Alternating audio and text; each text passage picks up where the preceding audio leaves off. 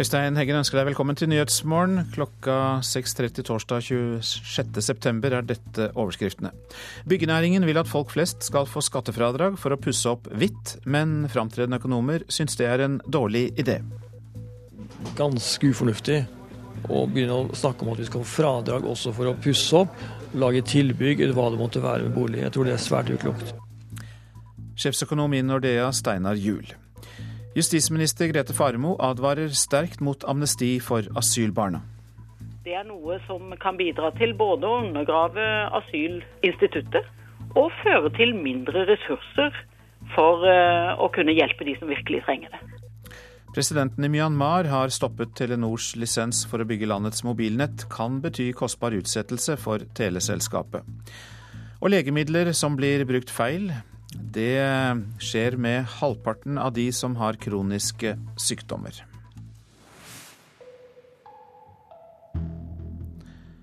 Byggenæringen vil at folk flest skal få skattefradrag for å pusse opp hvitt.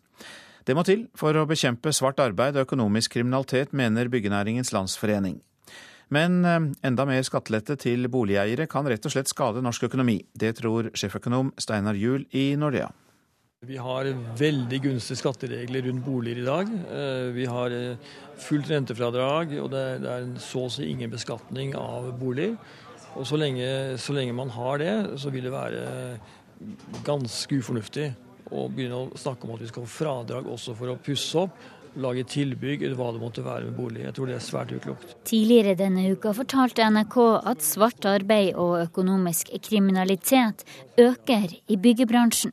Skattekrimsjef i Skatt øst, Jan Egil Kristiansen, er alvorlig bekymra. Dette er en utvikling som kan føre til at det faktisk ikke blir seriøse aktører igjen i byggebransjen. Før har vi jo sett det veldig mye i privatmarkedet, hvor det er veldig mye svart.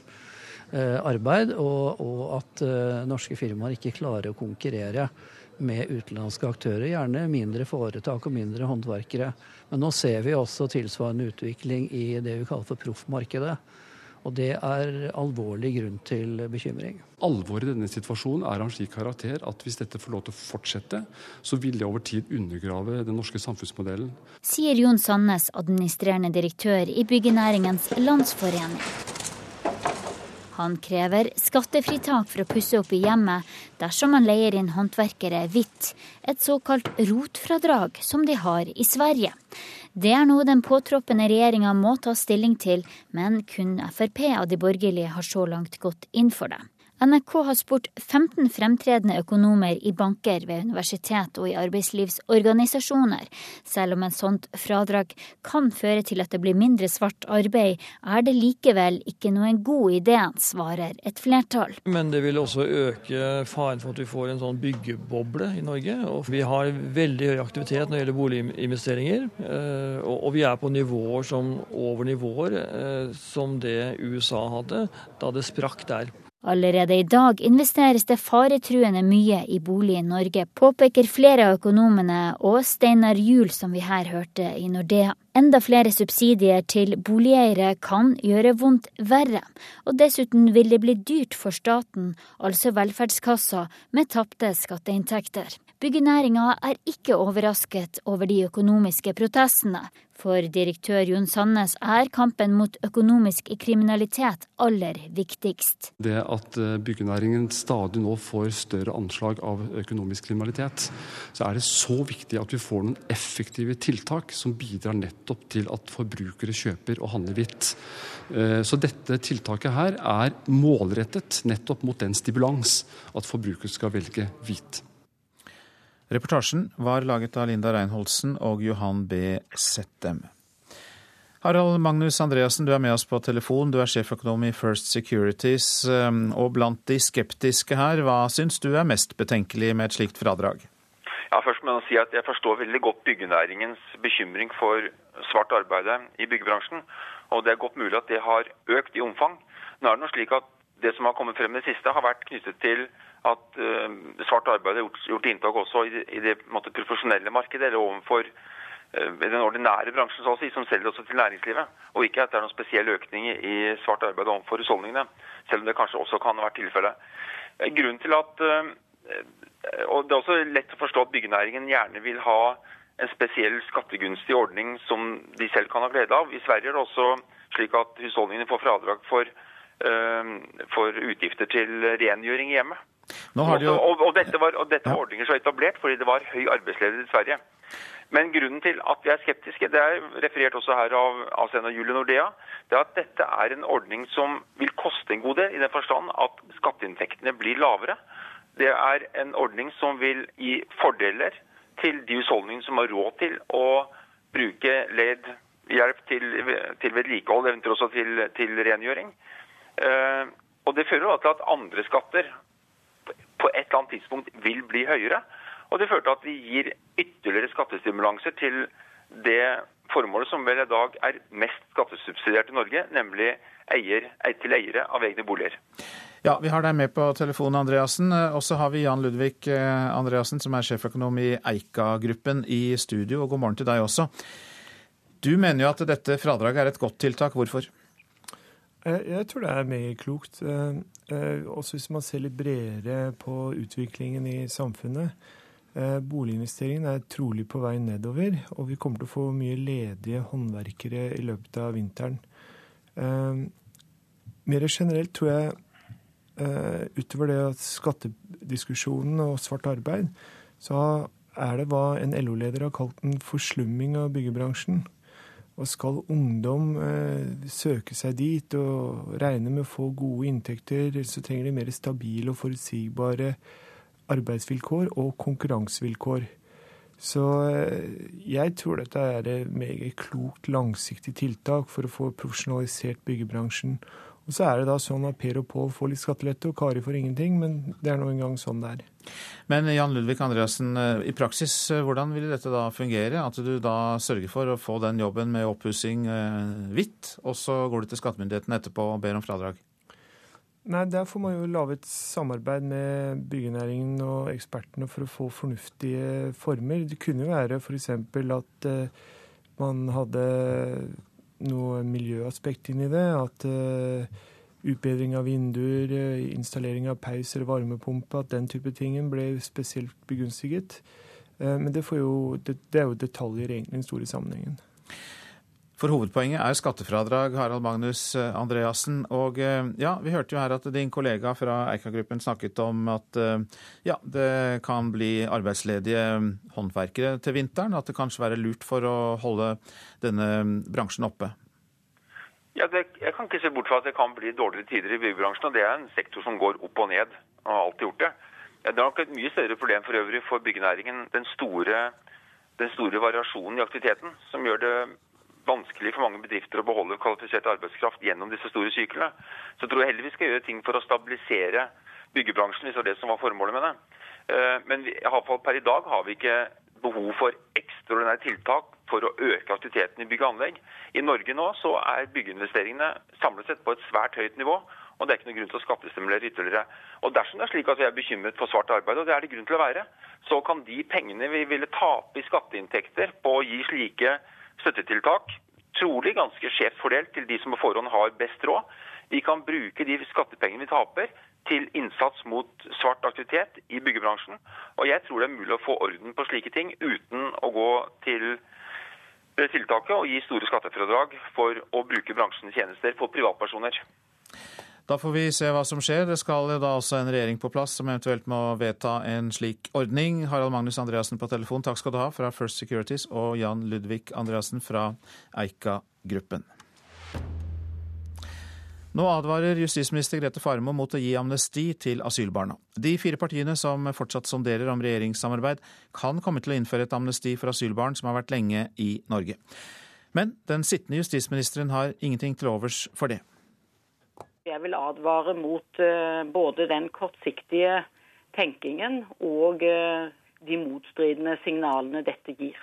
For ei drøy uke siden kom lekkasjene om at Høyre, KrF, Venstre og Frp kan komme til å gi amnesti til de mye omtalte asylbarna. Lokalavisene fulgte opp med bilder av glade barn som håper de får bli.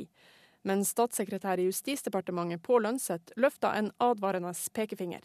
I dag er det selve justisministeren som roper varsko den gruppa lengeværende barn med sine familier, de har vært i Norge lenge nettopp fordi de har nekta å forholde seg til norske myndigheters avslag på opphold.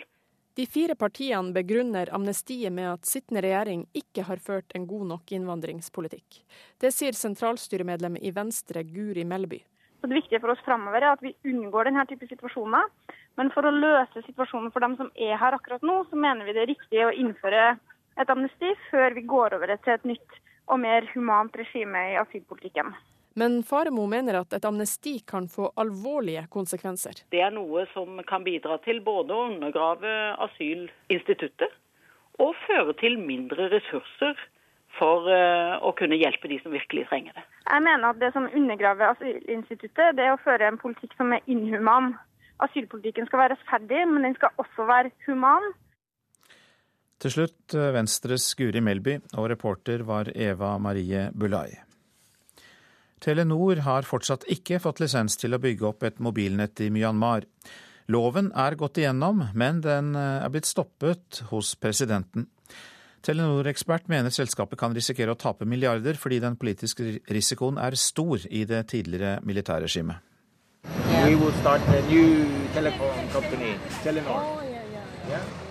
Telenors ferske sjef i Myanmar, Petter Forberg, stopper ved en telefondame som sitter i en trebod med to telefoner.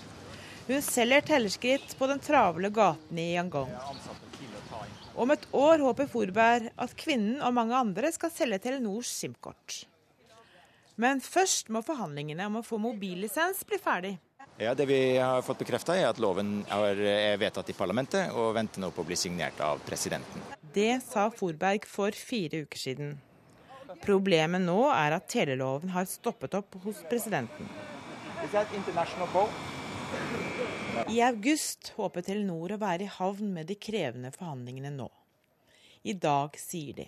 Ja, det som skjer i Myanmar nå, er at de venter en avklaring på endelig uh, lisenstekst og uh, telekomlovgivning innen fjerde kvartal.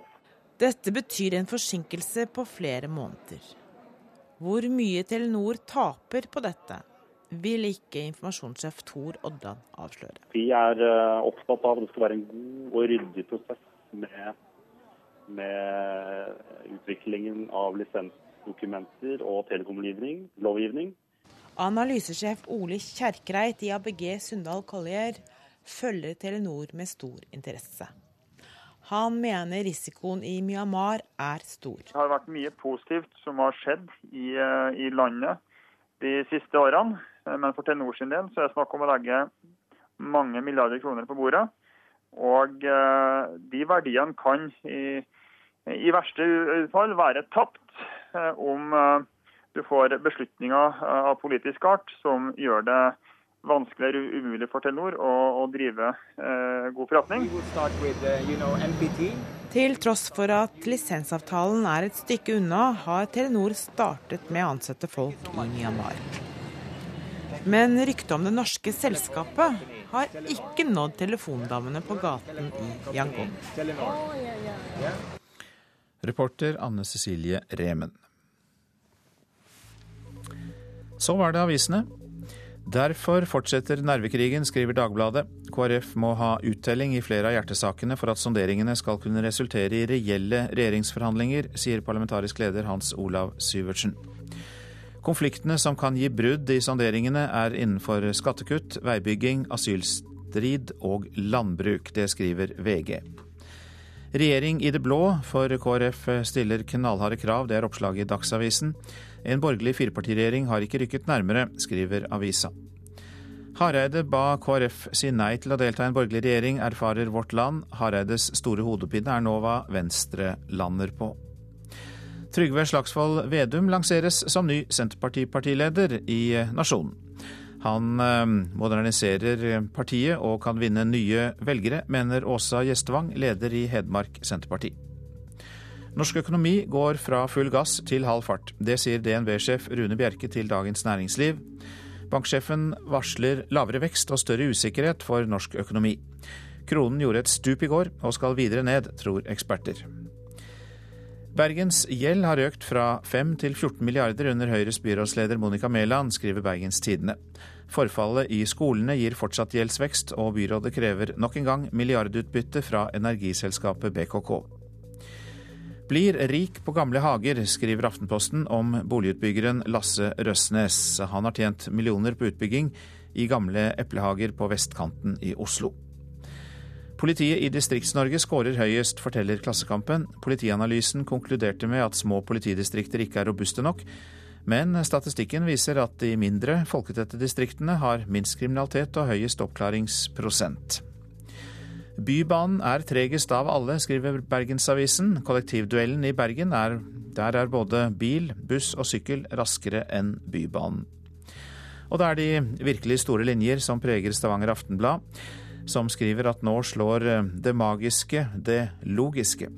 På 1700-tallet skulle fornuften overta for folketro og religion, men nå gjør vi opprør mot opplysningstiden, mener forsker. Det var altså forsiden til Stavanger Aftenblad i dag. Skiforbundet endrer den kontrakten som Petter Northug må signere for å kunne gå verdenscup, VM og OL. Dermed får skiløperen andre vilkår å forholde seg til enn de som lå til grunn da han inngikk sin private avtale om millionlønn fra Coop-konsernet. Avtalen har behov for revidering fra tid til annen, sånn er det med alle avtaler. Sier skipresident Erik Røste om den nye kontrakten for representasjonsløpere.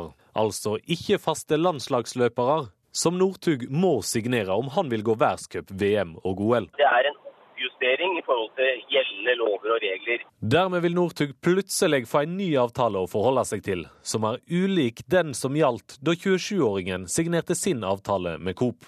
Skiforbundet vil ikke si hva som er nytt, men bekrefter at den nye kontrakten handler om detaljer som styrer utøverne sine muligheter til å markedsføre private sponsorer. Vi er selvfølgelig først og fremst opptatt av å ta hensyn til eh, Norges Skiforbund og Norges Skiforbunds rettigheter eh, og våre samarbeidspartneres rettigheter.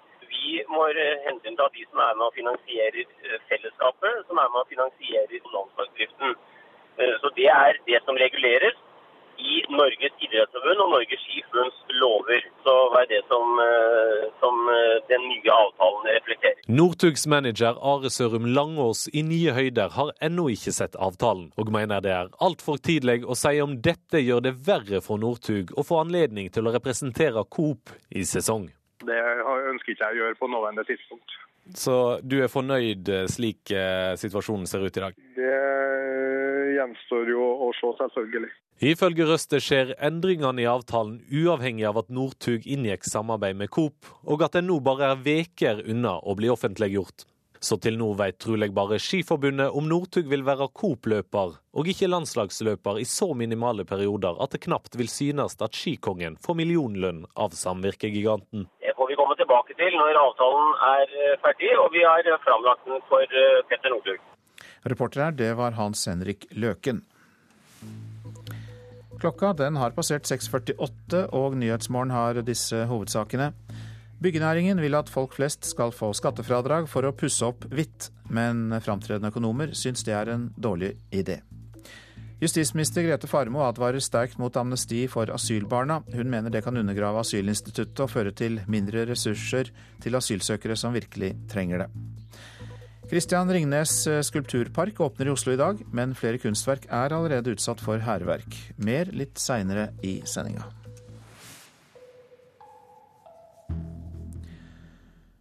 Folk misforstår informasjon om medisinene sine. Det merker de som jobber i apotekene. Og tall fra Verdens helseorganisasjon viser at om lag halvparten av de som har kroniske sykdommer, bruker medisinene sine feil. Konsekvensene kan bli alvorlige. Her er et eksempel på en av de nye blodfortynnende medisinene. Der det er veldig viktig at pasientene er veldig klar over hvordan de skal ta det. For det er ofte for forskjell i forhold til medisin de har brukt før. Apoteker Bente Bjordal Tesaker har orden i medisinhyllene til Vitus apotek Løven i Stavanger.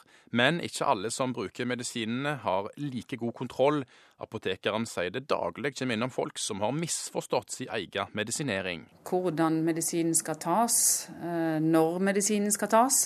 Det er helt egentlig enkle ting som er veldig viktig for medisinering. Så mye som 30-50% av de med kroniske sykdommer bruker medisinene feil, ifølge Varas helseorganisasjon.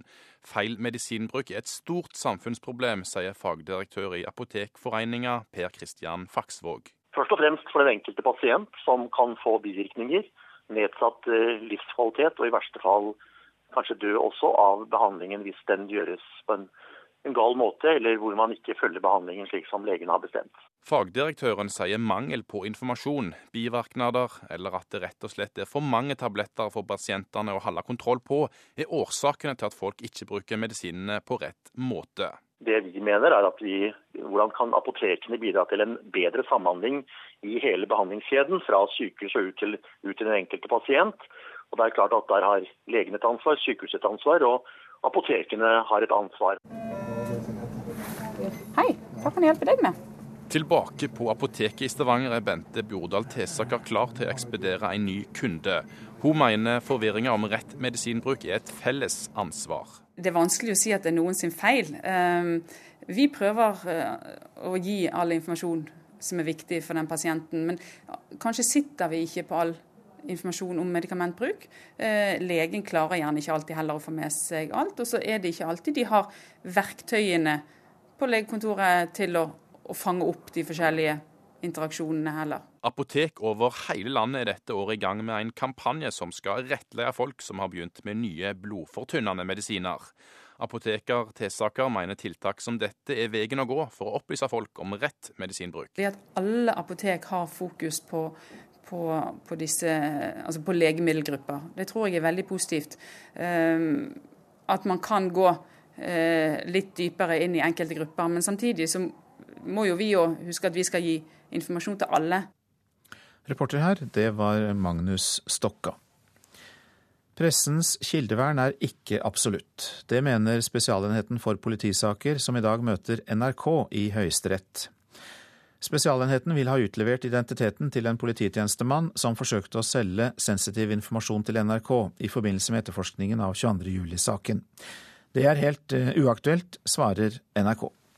For oss så er det jo helt avgjørende å kunne beskytte våre kilder. Eh, så sånn sett så er kildevernet absolutt, og det er også nedfelt i Vær varsom-plakaten. Vibeke Haug er redaksjonssjef i Brennpunkt. Det var hennes redaksjon som fikk tilbud fra en ansatt i politiet via en mellommann å kjøpe informasjon fra etterforskningen av terrorsaken for to år siden. Dette er forsøk på korrupsjon i politiet, mener Spesialenheten, som krever at NRK utleverer identiteten til kilden. NRK vant frem i tingretten, mens Spesialenheten vant frem i lagmannsretten. Og Derfor så var det helt avgjørende for oss å gå til Høyesterett. Det skjer fra tid til annen at polititjenestemenn bryter taushetsplikten og gir pressen informasjon. Brennpunktsaken er spesiell, sier assisterende sjef i Spesialenheten, Guro Kleppe. I denne saken så mener vi at det at det dreier seg om korrupsjon, skiller saken fra andre saker som vi tidligere har hatt, eh, og at det derfor har vært riktig å mm, ta saken til retten. Kleppe påpeker at det handler om samfunnets tillit til politiet når det er korrupsjon inne i bildet. Generalsekretær Kjersti Løken Stavrum i Norsk Presseforbund mener likevel at mediene ikke kan pålegges av retten å fortelle om straffbare forhold. Vi gjør det eh, via journalistikken vår eh, og, og, de sakene som vi avslører. Og det er der vi gjør det. Vi gjør det ikke som, eh, som vitner eh, i rettssaker. Brennpunktsjefen frykter kilder kan bli skremt til ikke å dele informasjon, også i andre saker, dersom Høyesterett etterkommer Spesialenhetens krav. Hvis ikke vi skulle få medhold i dette nå, så mener jeg at dette vil kunne få en såkalt avkjølende effekt for varslere og borgere i dette samfunnet som sitter på vesentlig informasjon som vi da ikke vil få tilgang til. Ytringsfrihet er en menneskerettighet. Ytringsfrihet er et premiss for at pressen skal kunne fungere optimalt. Og jeg er helt sikker på at i Norge ønsker vi at pressen skal kunne fungere optimalt. Mens både Presseforbundet og NRK mener kildevernet er absolutt, sier Guro Kleppe i Spesialenheten for politisaker at det går en grense for hvor sterkt kildevernet kan være. Kildevernet er eh, viktig i et demokratisk eh, samfunn, men eh, er ikke, det er ikke absolutt. Thomas Alvarstein Ove var reporter her. Norges største privatfinansierte skulpturpark åpner i dag, på Ekeberg i Oslo.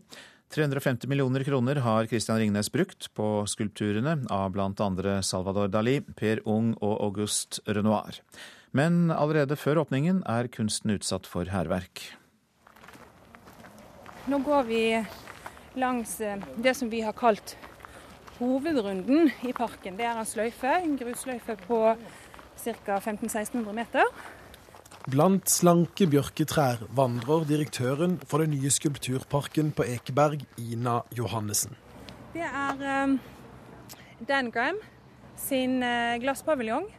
I dag er det tid for den offisielle åpningen av Christian Ringnes sin skulpturpark.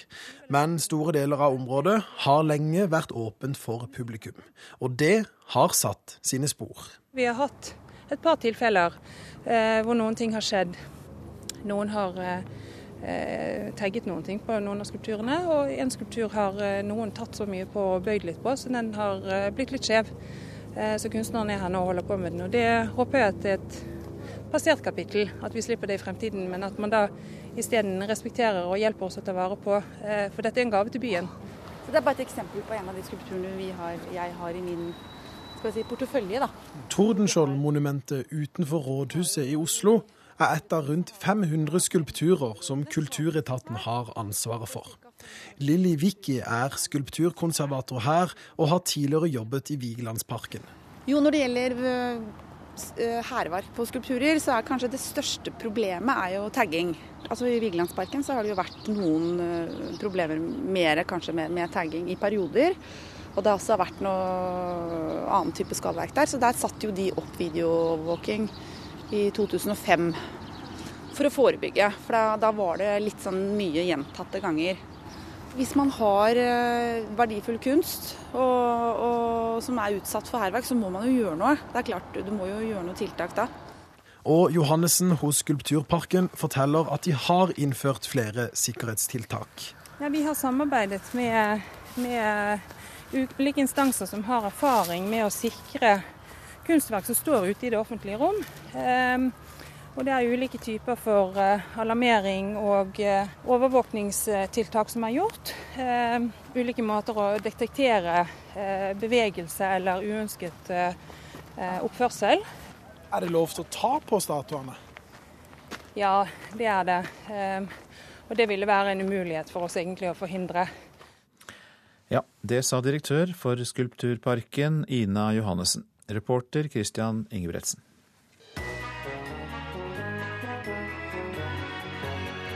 De satte multiorgasmen på kartet og gikk tappert dit ingen forskere hadde gått før, nemlig under dynene til puritanske amerikanere. I Radioselskapet i dag setter vi sexforskerduoen Masters and Johnson under lupa, før de blir grunnlaget for den nye TV-serien Masters of Sex, som har premiere på søndag i USA. Sexforskerhistorien får du hos oss i P2 klokka 11.03. Noe mer prosaisk her, nemlig været. Fjellet i Sør-Norge oppholdsvær og perioder med sol. Østafjells oppholdsvær og perioder med sol. Fra i ettermiddag noe mer skyet i Agder. Rogaland først på dagen enkelte regnbyger, ellers opphold og perioder med sol. Hordaland og Sogn og Fjordane. Lokal morgentåke, ellers pent vær. Fra i ettermiddag mer skyet, men opphold. Møre og Romsdal lokal morgentåke, ellers eh, stort sett pent. Fra seint i ettermiddag mulighet for enkelte regnbyger, vesentlig på Nordmøre. Trøndelag mulighet for enkelte regnbyger, vesentlig på kysten og i sørlige strøk. Nordland for det meste pent, men i ettermiddag tilskyende i nord.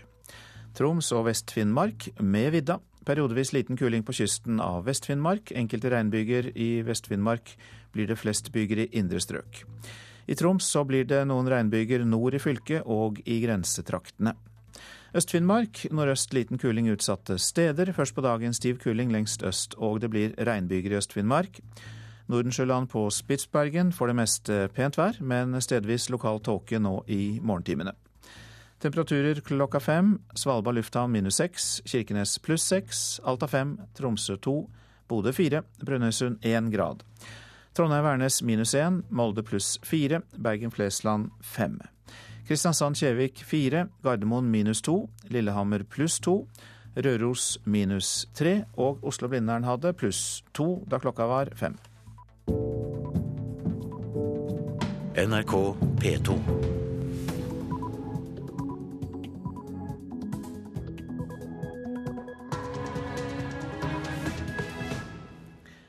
Klokka er sju. Du lytter til Nyhetsmorgen med Øystein Heggen i studio. Dette er en nyhetsoppdatering. KrF og Venstres stortingspolitikere har ikke fått vite om de får stanset oljeleting i Lofoten og Vesterålen dersom partiene går inn i regjering. Vi ønsker noen ytterligere avklaringer på viktige politiske områder for oss. Det går ikke minst på menneskeverdsspørsmål. Det går på familiepolitikken og på distriktspolitikken, hvor vi ønsker at man går en runde til. Stortingsrepresentant for KrF Hans Olav Syversen. Ny optimisme i fredsprosessen mellom palestinerne og Israel. Det er budskapet fra giverlandsgruppen som ledes av Norge. Så opplever jeg ganske sterkt at eh, dramaet i Syria i noen grad bringer partene her sammen. Slik jeg forstår det, så mener både eh, regjeringen i Ramallah og regjeringen i Jerusalem at da er det bedre å samarbeide. og Det er det som gjør at jeg eh, har et visst håp om at dette eh, kan være begynnelsen på noe veldig spennende og positivt. Utenriksminister Espen Barth Eide. Byggenæringen vil at folk flest skal få skattefradrag for å pusse opp hvitt, men framtredende økonomer syns det er en dårlig idé. Justisminister Grete Faremo advarer sterkt mot amnesti for asylbarna, slik de borgerlige vurderer. Og jeg vil advare mot uh, både den kortsiktige tenkingen og uh, de motstridende signalene dette gir. Og vi oppsummerer fem år med Norges regnskogsatsing.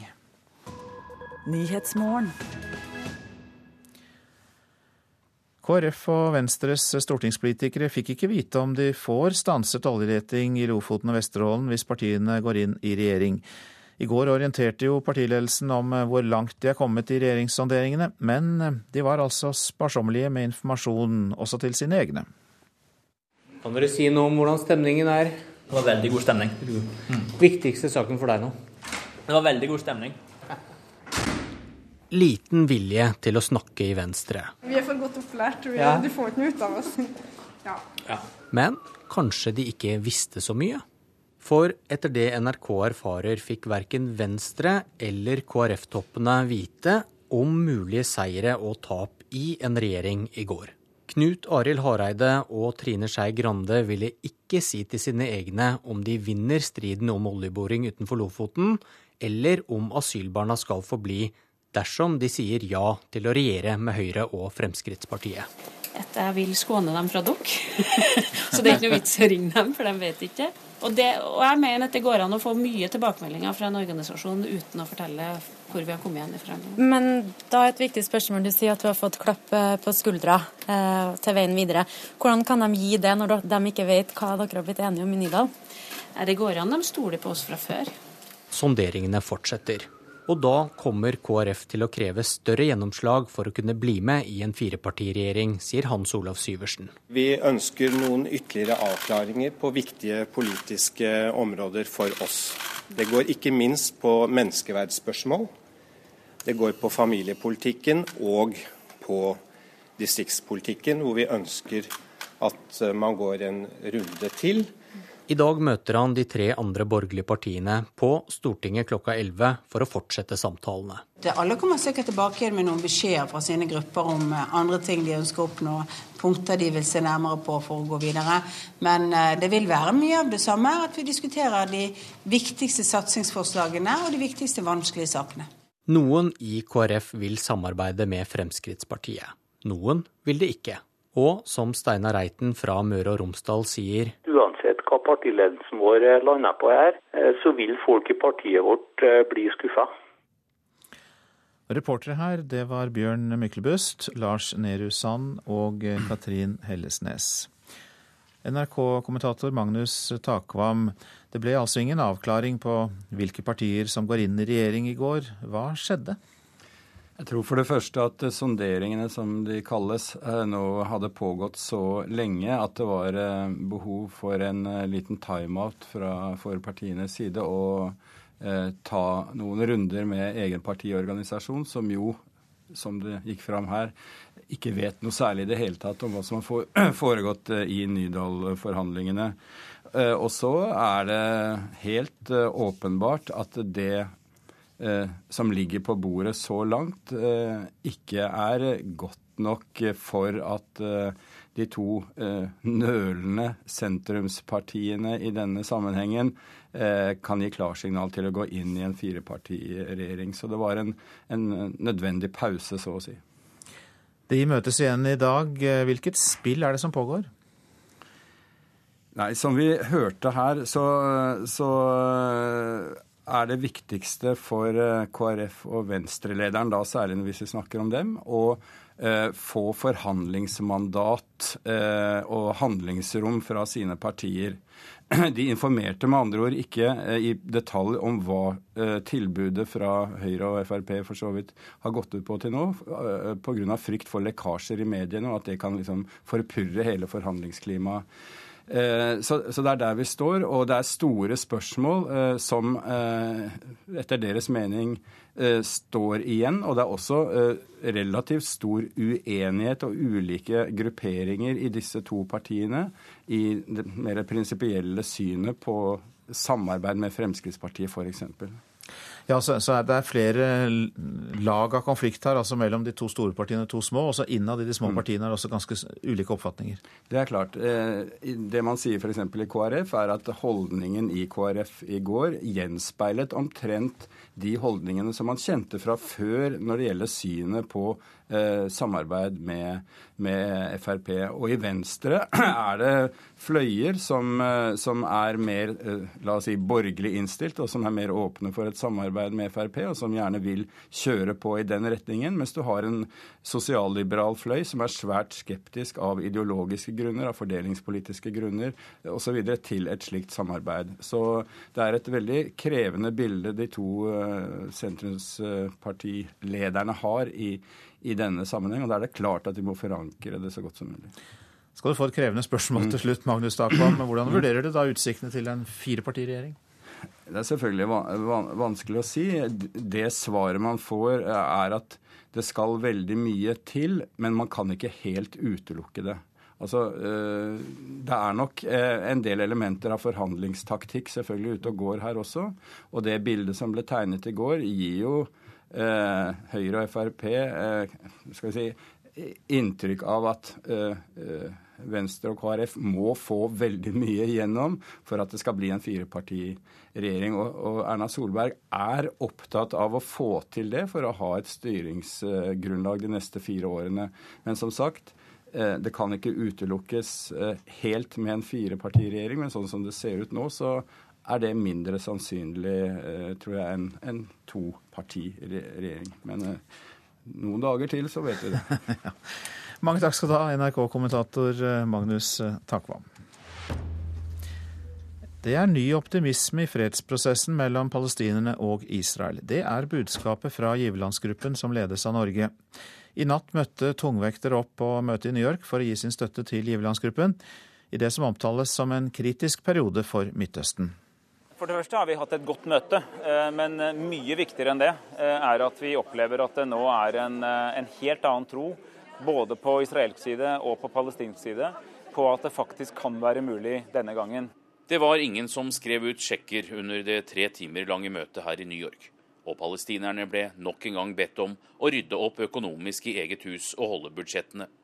Men det er en optimisme i korridorene, selv om europeerne ikke vil øke sine Palestina-budsjetter, og Gulfstatene har varslet Norge, som leder giverlandsgruppa AHLC, at de ikke vil fortsette å betale for Israels okkupasjon.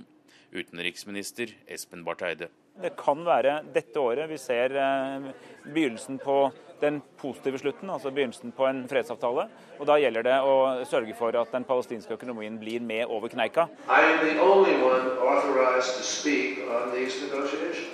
USAs utenriksminister John Kerry ga en presentasjon av hvordan det går med fredsforhandlingene.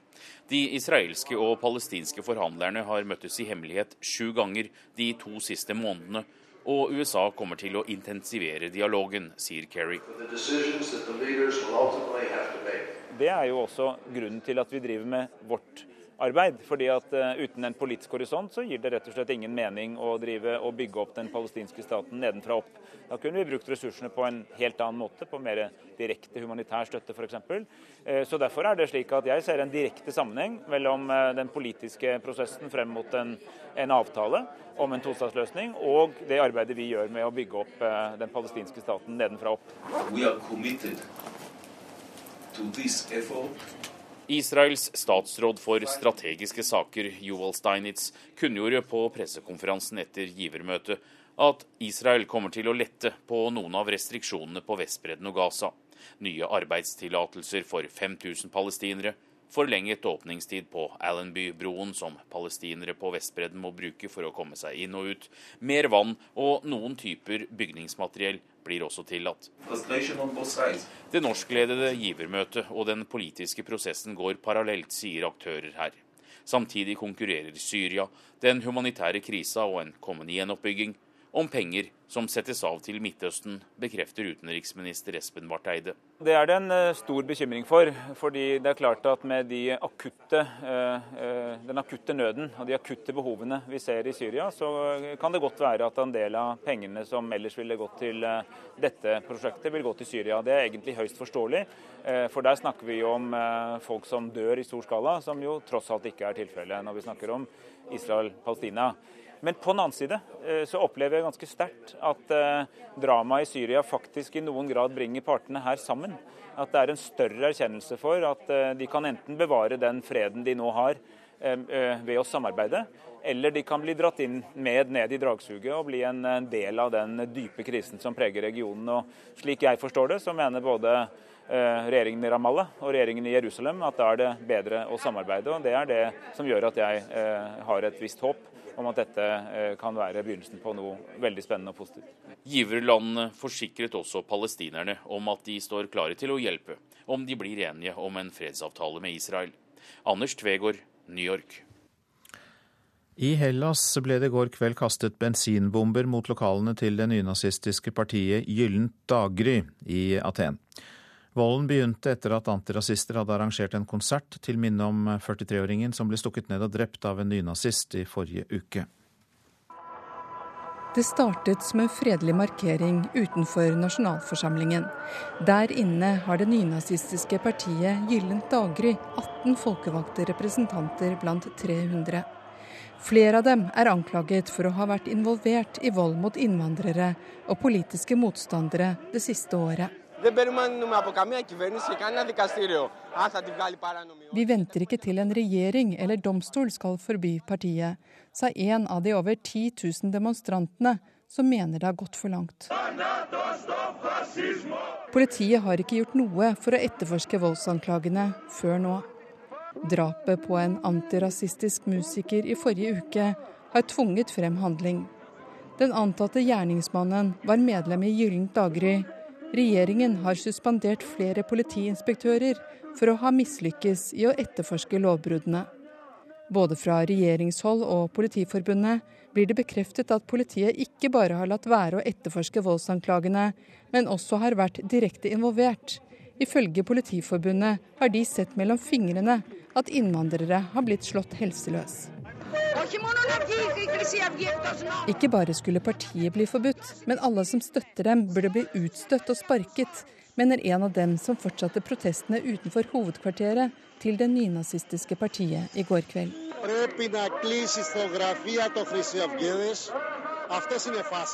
De må stenge kontoret her, de er jo fascister, sier en annen. Den fredelige demonstrasjonen ble fort forvandlet til opptøyer da politiet forsøkte å hindre dem i å komme frem til hovedkvarteret. Opprørspoliti kastet tåregass, og demonstrantene svarte med bensinbomber. Gyllent daggry avviser at de har noe med drapet å gjøre, og kaller det hele en heksejakt. Ja, det sa europakorrespondent Åse Marit Befring. Klokka den går mot kvart over sju, og dette er hovedsakene i P2s Nyhetsmorgen. KrF og Venstres stortingspolitikere har ikke fått vite om de får stanset oljeleting i Lofoten og Vesterålen dersom partiene går inn i regjering. Partilederne har nemlig vært sparsomme med informasjon om sonderingene, også til sine egne. Ny optimisme i fredsprosessen mellom palestinere og Israel, som vi hørte nettopp. Det er budskapet fra giverlandsgruppen som ledes av Norge. Justisminister Grete Faremo advarer sterkt mot amnesti for asylbarn. Hun mener det kan undergrave asylinstituttet og føre til mindre ressurser til asylsøkere som virkelig trenger det. I går markerte miljøvernminister Bård Vegar Solhjell og hans kolleger fra Brasil og Indonesia at det er fem år siden Norge startet sin regnskogsatsing. Men samtidig som Norge til nå har betalt Brasil over 3,5 milliarder kroner for å hindre avskoging i Amazonas, så investerer oljefondet i selskaper som bidrar til å ødelegge regnskogen.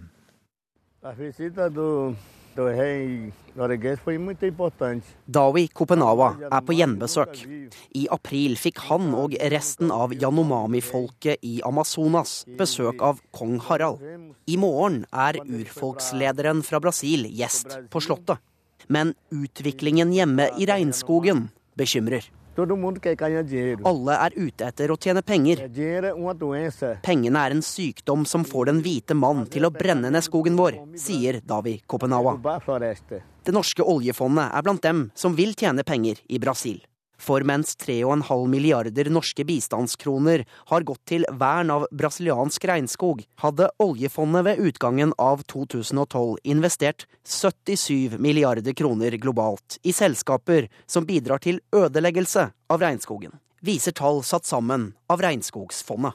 Fra 2011 til 2012 økte Statens pensjonsfond utland sine investeringer i den regnskogsfiendtlige storfeindustrien med 70 og 10 milliarder norske oljekroner er investert i selskaper som bygger enorme demninger i Amazonas, som ødelegger skog og tvinger urfolk på flukt. Demningene vil ødelegge for elvene våre, for fisken vår, for maten vår, sier urfolkslederen bekymret. Vi legger stor vekt på hensynet til miljøet i forvaltningen av fondet. Det sier statssekretær Hilde Singsås i Finansdepartementet. Finansdepartementet har utelukket flere selskaper, bl.a. pga. ulovlig hogst. Og tropisk avskoging er også noe som Norges Bank har satt søkelys på i sitt eierskapsarbeid. Oljefondet har solgt seg ut av 23 selskaper som produserer palmeolje på det fondet mener er en ikke bærekraftig måte. Men fremdeles er den norske stat tungt inne i blant annet olje, gass, mineralutvinning og soyaproduksjon i regnskogsområder. Nå er tropisk avskoging et nytt tema i eierskapsarbeidet som banken eh, har løftet fram. Eh, banken har selv lagt vekt på eh, at dette er et langsiktig arbeid som vil måtte utvikles over tid. Oljefondet har investert ca. 10 milliarder kroner i vannkraft- og energiselskaper som eh, står for bygging av enorme dammer i Amazonas. Strider ikke det mot regjeringens investeringer i å beskytte nettopp skog og urfolk? Ja, nå kan ikke jeg kommentere enkeltselskaper, men generelt er det jo slik at hvis et selskap er ansvarlig for grove miljøødeleggelser eller menneskerettighetsbrudd, så er det grunnlag for å trekke selskapet ut. Statssekretær Hilde Singsås til reporter Stig Arild Pettersen. Vemund Olsen, du er fra Regnskogfondet, og det er dere som har laget denne oversikten over oljefondets investeringer. Og eh, ja, Hvor sannsynlig mener du det er at eh, disse selskapene ødelegger regnskog og bryter menneskerettighetene? Ja, det er ikke bare sannsynlig, det er, eh, det er, helt sikkert. Oljefondet investerer tungt i alle de bransjene som ødelegger mest regnskog i verden. De blir nevnt her. Vannkraft, olje, gass, hogst osv. Uh, og slik som disse bransjene opererer i regnskogsområder, hvor det ofte er svak miljølovgivning osv., så, videre, så er det vanlig med både store miljøødeleggelser og, og, grove overgrep mot lokalbefolkningen. Vi lanserer i dag en rapport om menneskerettighetssituasjonen i Amazonas som viser at det er, foregår en systematisk forfølgelse av urfolksledere og miljøvernere som våger å motsette seg ressursutvinning i regnskogen. Og vi har dokumentert mange, mange, eksempler på det som vi har sendt til oljefondets etikkråd. Et av de verste er det spanske oljeselskapet Repsol, som driver oljeleting i et område hvor det bor ukontaktede indianerstammer, tross klare advarsler om at det kan føre til eh, utryddelse av de folkene. Seks år etter at vi meldte inn den saken, har fortsatt oljefondet investert i Repsol. Men kunne det også tenkes at uh, oljefondet investerer og eh, påvirker i positiv retning, istedenfor å holde seg helt ute av slike selskaper? Ja, Det er viktig at de trekker seg ut av de verste synderne, men det er vel så viktig at de påvirker eh, bransjen i riktig retning. Og der har eh, oljefondet som verdens største statlig eide investeringsfond en betydelig innflytelse. Problemet med, med, det arbeidet slik det gjøres i dag, er at alt holdes hemmelig. Det er vi, Verken sivilsamfunn eller storting får vite noe om hva slags strategi oljefondet har mot avskoging, hva slags krav de stiller til selskapene de er investert i, hva slags, hva slags resultater som oppnås. Er det da et krav fra dere i Regnskogsfondet at man skal ha et annet system? At man skal ha et mye mer åpent system for det oljefondet investerer i? Vi mener at det er en god del forbedringer som kan gjøres med dagens system. I Overordna vil vi beholde både det at man utelukker som sagt, de verste synderne, Eh, men at man også påvirker selskapene positivt. og Da må man gå sammen med andre investeringsfond, eh, sånn at man kan sende tydelige krav til bransjen, at det skal være forståelig for bransjen at det er ikke akseptabelt å drive med avskoging i, i denne type bransjer. Men så har det jo også vært noe som eh, vel kan tolkes positivt sett fra Regnskogfondets side. De har solgt seg ut av selskaper også, som produserer palmeolje bl.a. Det var et stort framskritt det Hilde Singsås nevnte om at eh, Norges Bank nå har eh, prioritert eh, å begrense avskoging i sitt eierskapsarbeid. Og det at de solgte seg ut av en rekke palmeoljeselskaper er enda et positivt skritt. For palmeoljebransjen er den viktigste årsaken til avskoging i Sørøst-Asia. Men det er bare en liten del av oljefondets investeringer i regnskogsrasering. Sånn at vi mener de må, ha, de må, ha, tydelige og klare krav til alle bransjer om at avskoging er uakseptabelt, og ikke bare palmeolje. Mange takk for at du kom til Nyhetsmorgen, Vemund Olsen fra Regnskogfondet. Da er det på tide å se litt på avisene, og det er jo disse sonderingene som dominerer mange av dem. Derfor fortsetter nervekrigen, det skriver Dagbladet. KrF må ha uttelling i flere av hjertesakene for at sonderingene skal kunne resultere i reelle regjeringsforhandlinger, sier parlamentarisk leder Hans Olav Syvertsen til avisa. Konfliktene som kan gi brudd i sonderingene, er innenfor skattekutt, veibygging, asylstrid og landbruk. Det skriver VG. Regjering i det blå, for KrF stiller knallharde krav. Det er oppslaget i Dagsavisen. En borgerlig firepartiregjering har ikke rykket nærmere, skriver avisa. Hareide ba KrF si nei til å delta i en borgerlig regjering, erfarer Vårt Land. Hareides store hodepine er nå Venstre lander på. Trygve Slagsvold Vedum lanseres eh, som ny Senterpartileder i Nasjonen. Han eh, kan modernisere partiet og vinne nye velgere. Det mener Åsa Gjestvang, som er leder i Hedmark Senterparti. Norsk økonomi går fra full gass til halv fart. Det sier en DNB-sjef Rune Bjerke til Dagens Næringsliv. Banksjefen varsler lavere vekst og større usikkerhet for norsk økonomi. Kronen gjorde et stup i går og skal videre ned, tror eksperter. Bergens gjeld har økt fra 5 til 14 milliarder under Høyres byrådsleder Monica Mæland, skriver Bergens Tidende. Forfallet i skolene gir fortsatt gjeldsvekst, og byrådet krever nok en gang milliardutbytte fra energiselskapet BKK. Blir rik på gamle hager, skriver Aftenposten om boligutbyggeren Lasse Røsnes, som har tjent millioner på utbygging i gamle eplehager på vestkanten i Oslo. Politiet i Distrikts-Norge skårer høyest, forteller Klassekampen. Politianalysen konkluderte med at små politidistrikter ikke er robuste nok, men statistikken viser at de mindre folketette distriktene har minst kriminalitet og høyest oppklaringsprosent, skriver avisa. Bybanen er tregest av alle, det skriver Bergensavisen. I kollektivduellen i Bergen er både bil, buss og sykkel raskere enn Bybanen. Og det er de store linjer som preger Stavanger Aftenblad, som skriver at nå slår det magiske ut det logiske. På 1700-tallet skulle fornuften overta for folketro og religion, men nå gjør vi opprør mot opplysningstiden, mener forsker.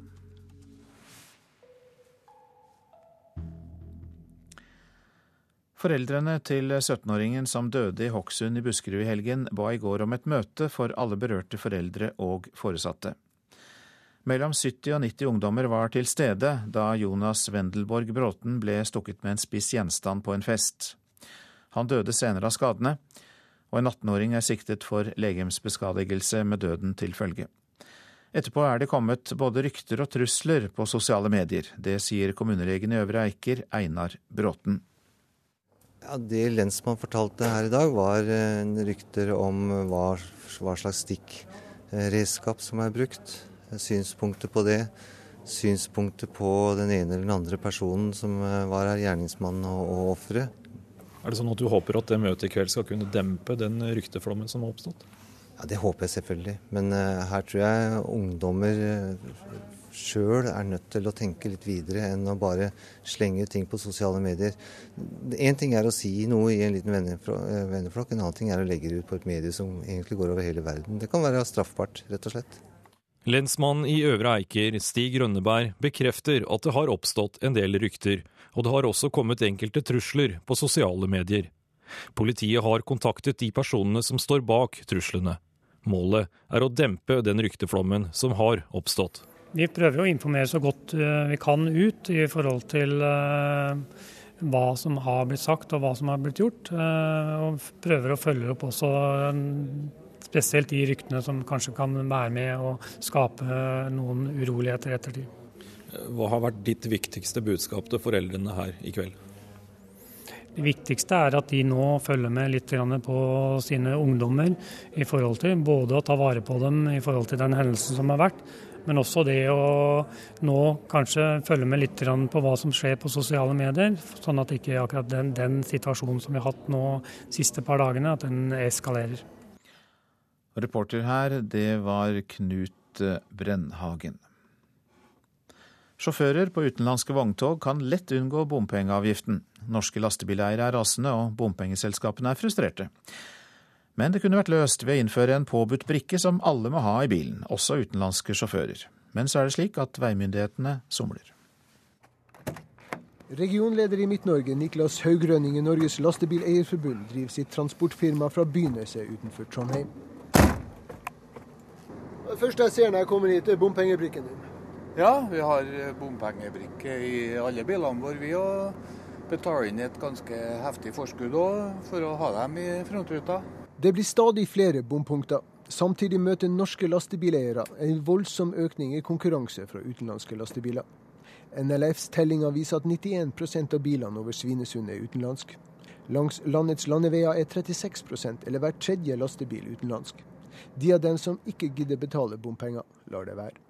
Så vidt jeg vet, så blir alle som passerer en bom eh, fotografert eh, hvis de ikke har brikke eller det er noe feil. Og da skal jo i prinsippet regninga ettersendes.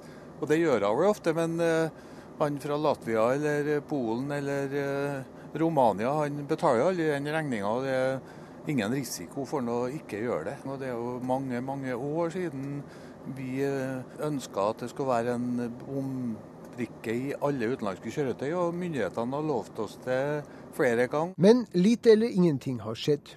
Også hos bompengeselskapene er frustrasjonen over innkreving av avgifter fra utenlandske lastebiler stor. Norveg Finans tall for mislighold i fjor er minst 15 millioner kroner. Fire av ti betaler ikke avgift, og for de resterende utlendinger som kjører uten bompengebrikke, så går vinninga opp i spinninga.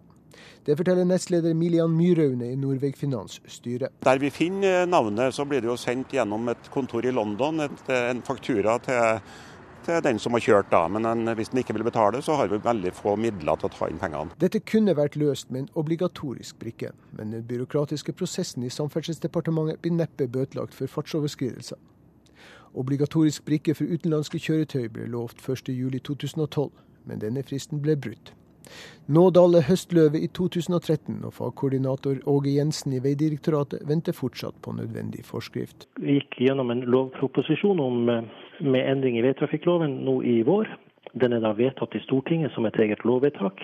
Og Det som jobbes med nå, er å få på plass en forskrift som skal implementere dette sånn i praksis. da. Forskrifta kommer kanskje i høst, får vi vite i Samferdselsdepartementet. Eller kanskje ikke. Først gjenstår noen interne runder og avklaringer. Så må den på høring, og deretter til EFTA. Bare EFTAs vurdering tar tre måneder. Obligatorisk brikke blir neppe realisert som lastebileierne mener de var lovt 1.1.2014. Det føyer seg veldig godt inn i rekka av de erfaringene vi har hatt. Ja, Nesten så må jeg mistenke for at de ønsker ikke å få til dette. Reporter her, det var Stein Lorentzen. Shanghai utfordrer Hongkong. Mer om tvekampen mellom de kinesiske megabyene i reportasjen etter Dagsnytt. Og det er vel ingen stor overraskelse at det blir eh, snakk om regjeringssonderinger i Politisk kvarter. Prosent for Nyhetsmorgen, Eli Bjelland. Her i studio, Øystein Heggen.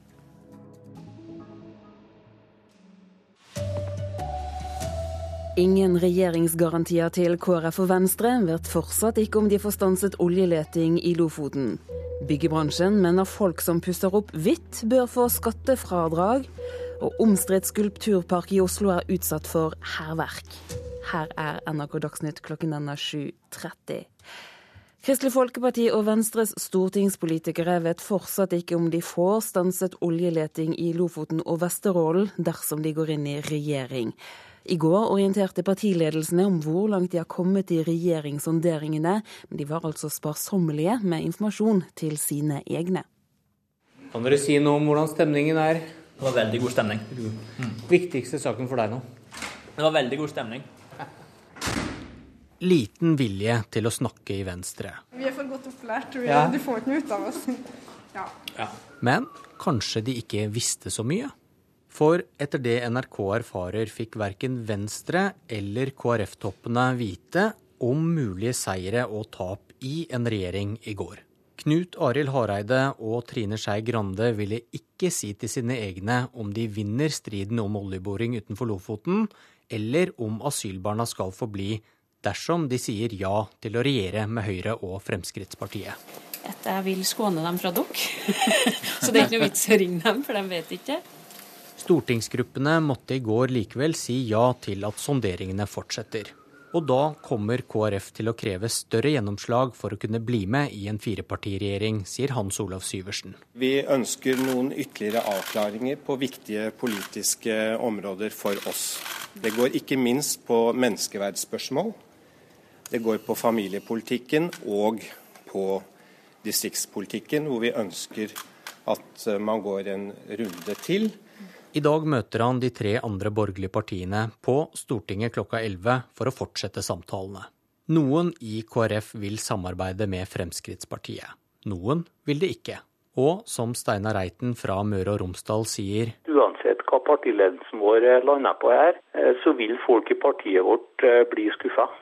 Reportere var Bjørn Myklebust, Lars Nehru Sand og Katrin Hellesnes. Magnus Takvam, du er politisk kommentator her i NRK. Nå virker det nesten som om sentrumspartiene kan være på vei ut. Hvordan tolker du situasjonen?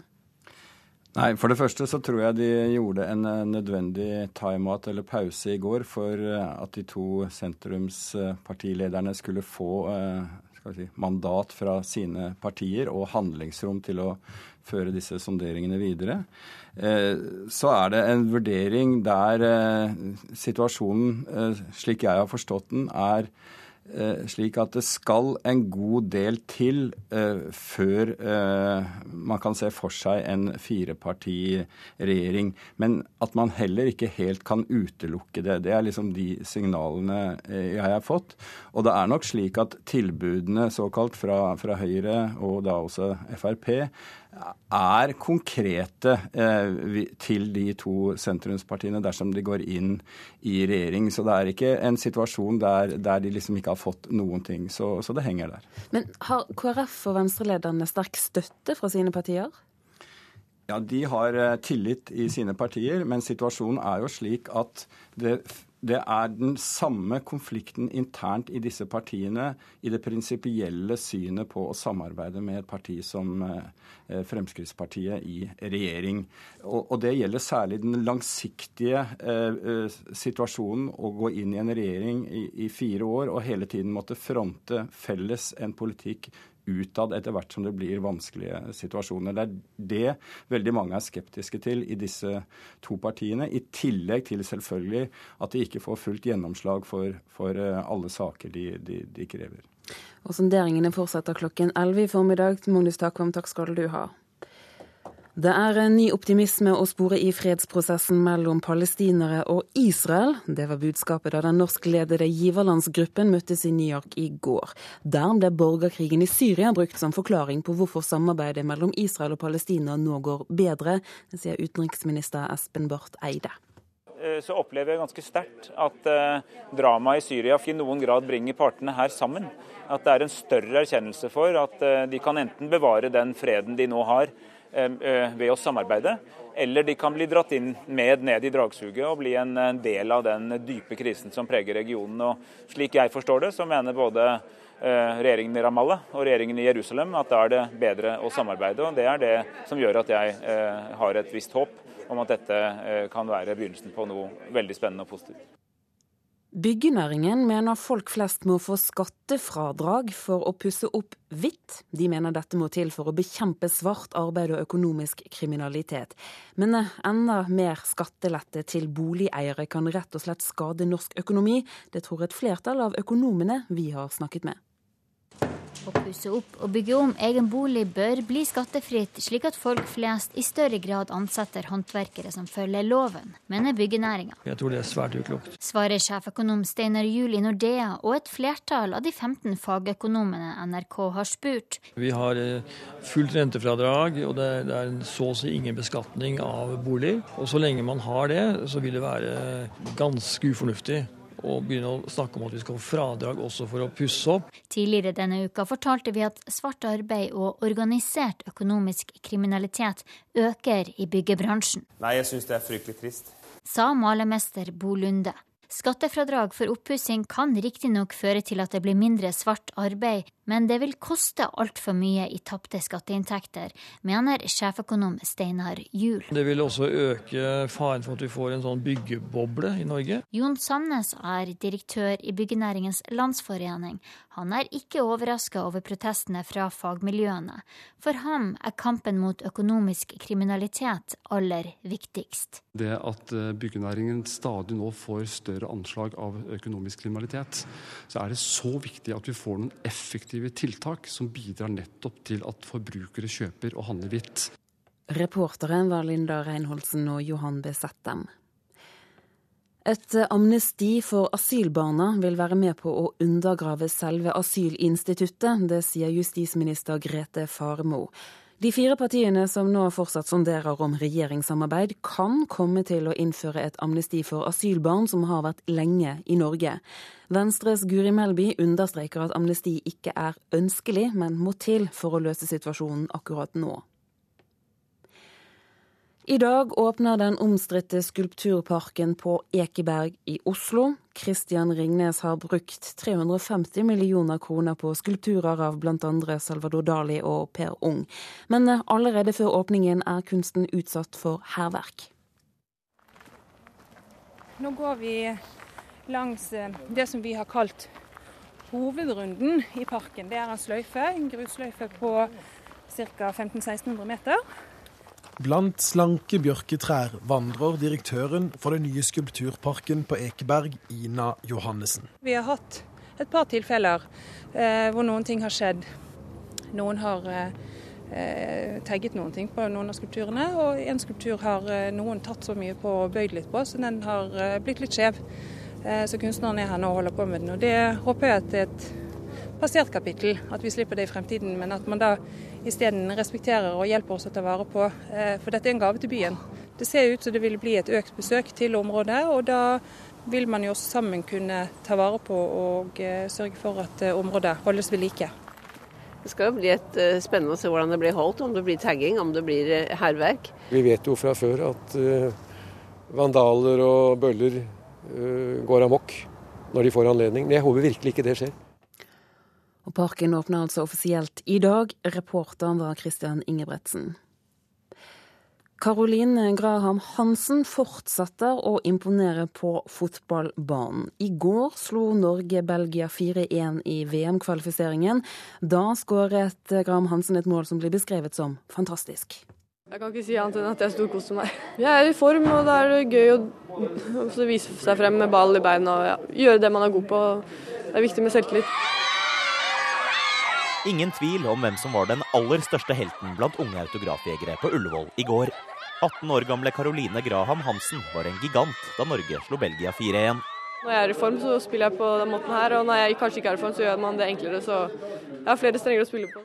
Til daglig spiller hun i svenske Tyresø med den mange mener har vært verdens beste fotballspiller over flere år, brasilianske Marta. Selvfølgelig har det gjort meg til en bedre spiller de siste par månedene. Men også den norske jenta spår seg en stor framtid. Landslagssjef Even Pellerud tror 18-åringen kan håndtere presset. Og når hun går ut i media og sier at jeg ønsker å være verdens beste fotballspiller, så tror jeg hun tåler presset, for det er jo ikke så mange som tør å si det. Jeg tror kanskje at det er ikke noen grunn til bekymring der. Reporter Mats Håby. Ansvarlig for sendingen Elin Pettersen. Det er Hanne Luna som er teknisk ansvarlig. Her i studio, Turi Grønbekk.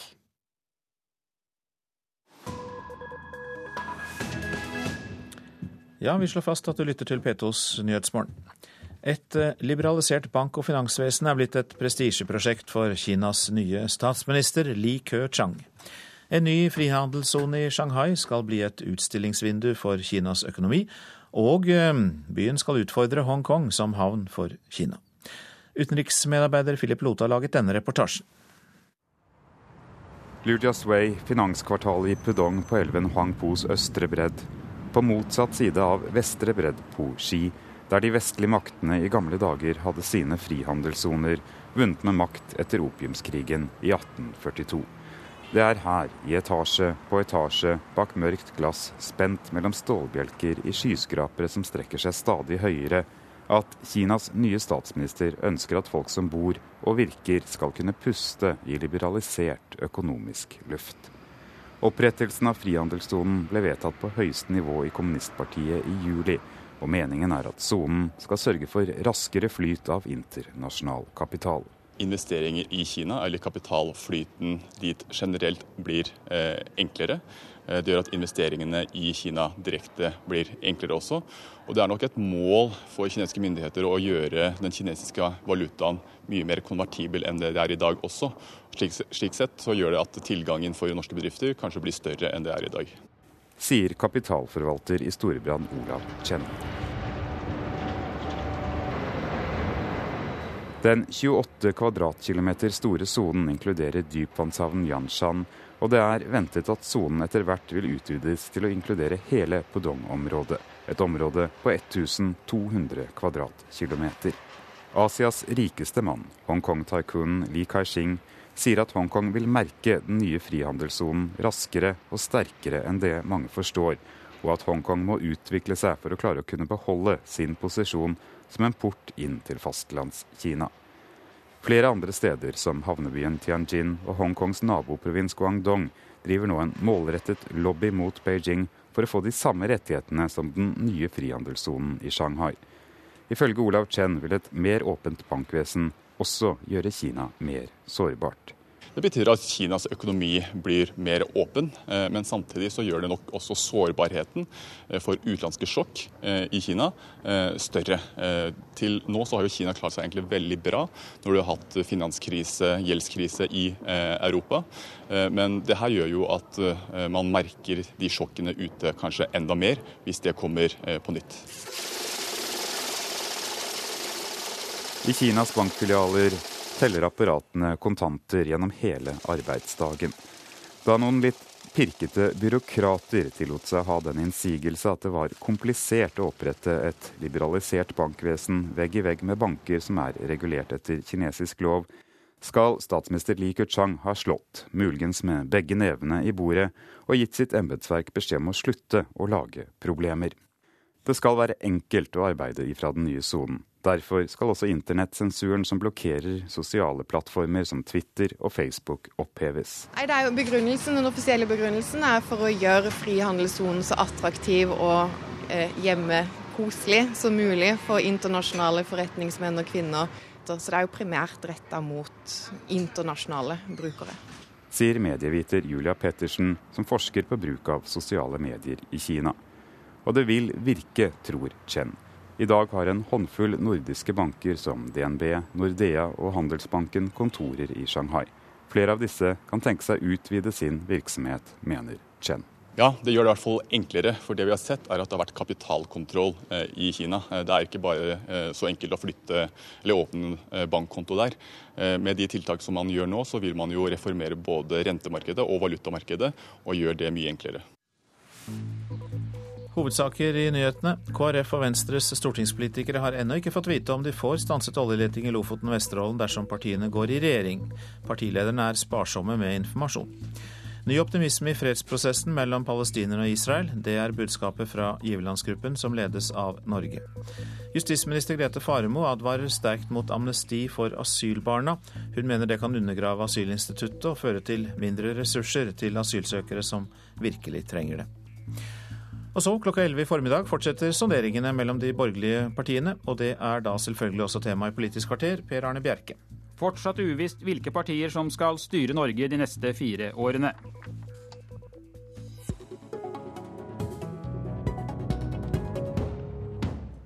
Heller ikke i går ble det altså noen avklaring på hvem som skal sitte sammen i den nye regjeringen. Både i KrF og i Venstre er det ulike vurderinger av om partiene er best tjent med å gå inn i regjeringen eller å stå utenfor. Men da Knut Arild Hareide kom ut av møterommet på Gardermoen i går kveld, var han klar på at sonderingene skal fortsette, i hvert fall i dag. Vi har nå hatt eh, møte i landsstyret eh, til KrF. Der har jeg gitt råd om at eh, KrF fortsetter sonderingssamtaler med Høyre, Fremskrittspartiet og Venstre i morgen. Hvorfor har ikke du råd om å gå inn og si ja til forhandlinger? Er det sånn at landsstyret har lagt vikt på eh, ikke minst viktige politiske saker for oss, som familie, menneskeverd og en god distrikt- og landbrukspolitikk. Og det er viktige saker som vi tar med oss inn i sonderingene i morgen, og som det er viktig at vi får avklart eh, i de sonderingssamtalene som vil finne sted de neste dagene. Kommentator og utviklingsredaktør i Vårt Land, Åshild Mathisen. I avisen i dag skriver dere at Hareide ba partiet si nei til resultatet slik det nå foreligger. Samtidig ba han om at sonderingene fortsetter. Hva er det han håper å oppnå med enda en runde? Ja, eh, han eh, kan jo selvfølgelig håpe på store politiske innrømmelser fra Erna Solberg. I eh, Eh, I tillegg så, eh, så, viser han jo eh, de som virkelig ønsker å gå inn i regjering, at han nå gjør absolutt alt som står i sin makt for å finne sammen.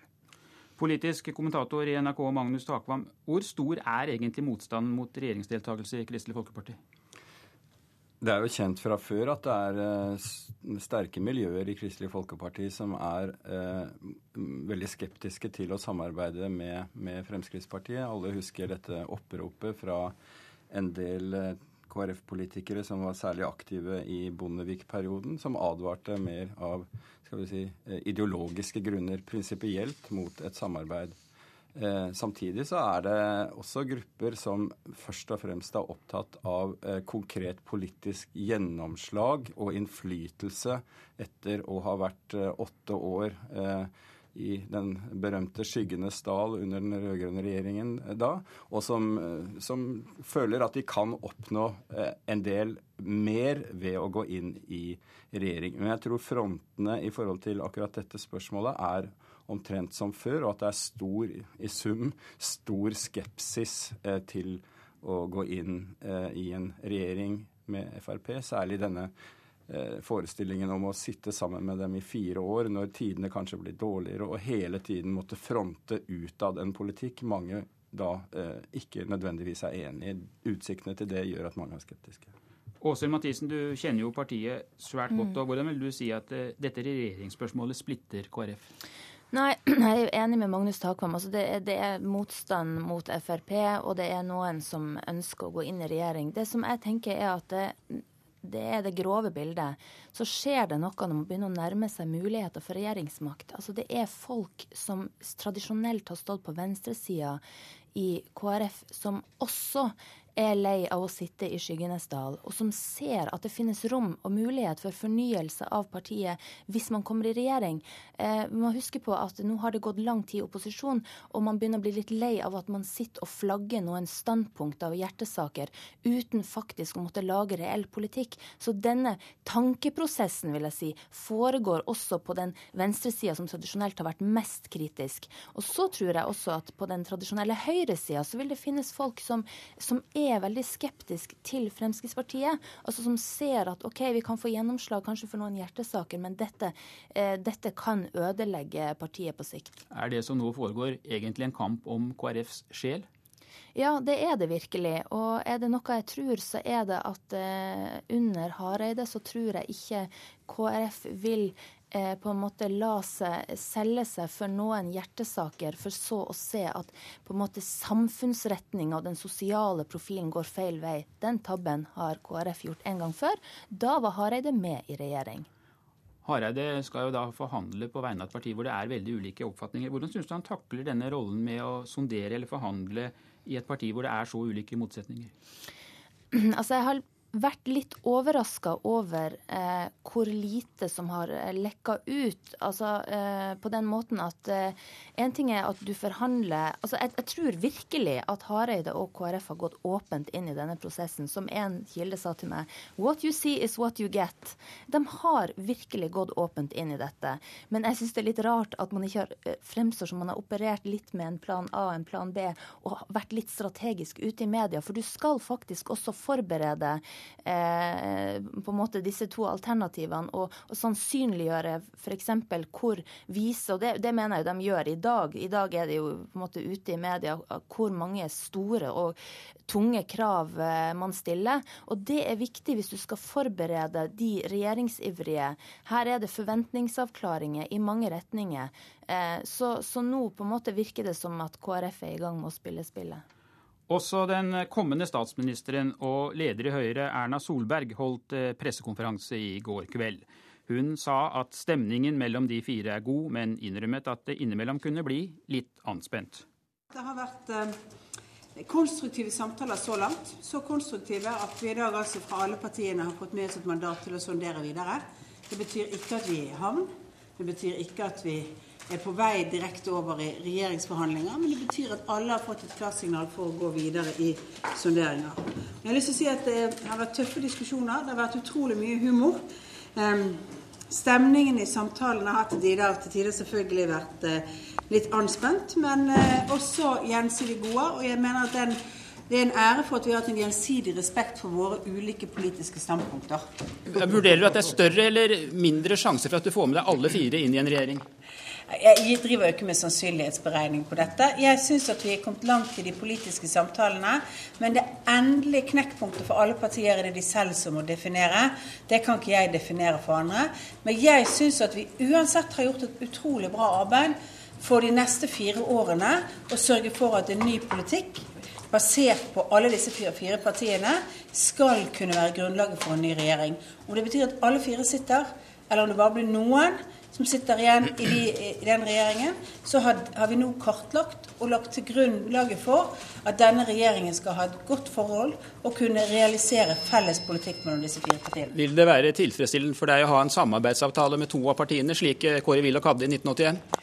Altså, jeg er opptatt av at vi skal sørge for at uh, det flertallet som ble manifestert i valget, også, som har gitt oss et solid flertall på Stortinget, at det skal realiseres også fremover. Hvor langt har dere kommet med å drøfte de store problemsakene der partiene jo har ulike standpunkter? Vi har drøftet mange saker, men vi kommer ikke til å kommentere enkeltsaker. Erna Solberg, da jeg snakket med henne på pressekonferansen i går kveld. Magnus Takvam, hvorfor legger Solberg så stor vekt på å få med seg alle fire inn i regjeringen? Det er for, selvfølgelig for å i de neste fire årene ha et uh, trygt styringsgrunnlag i Stortinget. Uh, en mindretallsregjering mellom Høyre og Frp er jo da en uh, mindretallsregjering på en, en, fløy i Stortinget, som hele tiden da per definisjon må gå inn mot sentrum for å få flertall i ulike saker. Og det er klart at når, når motvindene kommer i, i økonomi og andre ting, når det blir vanskelige prioriteringer å gjøre, så møter hun f.eks. da eventuelt to sentrumspartier som har ganske stor makt i Stortinget, selv om de i prinsippet kan slutte seg til en slags lojalitetserklæring i utgangspunktet. Sånn at alle ser at det fra hennes styringsståsted er en stor, stor, fordel. Også det faktum, eller det, det, strategiske målet, å holde sentrumspartiene knyttet nettopp til et borgerlig prosjekt i mer enn fire år, eh, mener vel hun er lettere hvis de er innenfor enn hvis de er fristilt utenfor. Er det nå vi ser et slags forhandlingsspill der det er om å gjøre å vise at det er svært vanskelig, og at alle strekker seg langt for å få til en løsning, slik vi kan oppleve det i lønnsoppgjørene en sen nattetime hos Riksmeklingsmannen? Det har selvfølgelig en del sånne forhandlingstaktiske elementer, dette her. Eh, alle skjønner at skal du få gjennomslag, så, så, må, du ikke, så må, du vise at, er, eh, at, du har tyngde bak kravene, og at det er veldig stor avstand. Så det er klart det sterkeste kortet sentrumspartiene har, er, er det vi nettopp snakket om, nemlig den kommende statsministerens behov for en, en bred allianse, en fireparti regjering. Men jeg tror du, tar, man tar feil hvis man sammenligner med en økonomisk forhandling, fordi det er verdispørsmål, det er prinsipielle spørsmål som er mye mer krevende å få et kompromiss rundt. Du kan ikke både være snill og slem på samme tid, for å si det sånn. Venstreleder Trine Skei Grande var svært sparsom med opplysninger da hun kom ut fra møtet med landsstyret i går kveld. Hun hadde heller ikke i detalj fortalt landsstyret om innholdet i sonderingene. Har ikke lagt fram noe sånn der. Så dit har vi kommet i forhandlingene. Eh, det var ikke poenget med dette møtet. Poenget med dette møtet var å høre hva organisasjonen tenkte i forhold til de ulike alternativene. Hva organisasjonen syntes var de viktige sakene. Der kom det ikke så mye uventa nye ting. Det er de kjernesakene vi har drevet valgkamp på, som er de, de viktige sakene også for vårt landsstyre inn i disse forhandlingene. Så er det veldig hyggelig å si at vi har fått veldig stor støtte som forhandlingsteam. Åshild Mathisen, hvor viktig er det for KrF og Venstre å stå sammen i disse sonderingene? Det er svært viktig. Man er sterkere når man står sammen, om det blir inn i regjering eller når man går ut. Og hvis man går ut, så tror jeg at det både Skei Grande og Hareide ønsker seg, er en felles pressekonferanse der de forklarer politikk, det politiske grunnlaget for at de var nødt til å bryte ut. Magnus Takvam, kan det tenkes en løsning der KrF bryter sonderingene, mens Venstre fortsetter sammen med de to andre? Jeg tror ikke det, selv om ingen i verden kan man ikke utelukke noen ting. Men jeg tror nettopp eh, det vi så i går, var en situasjon der KrF eh, er nødt til å avvente hva Venstre bestemmer seg for i disse sonderingene, før de tar et standpunkt. Og jeg tror de er veldig opptatt av å å holde sammen.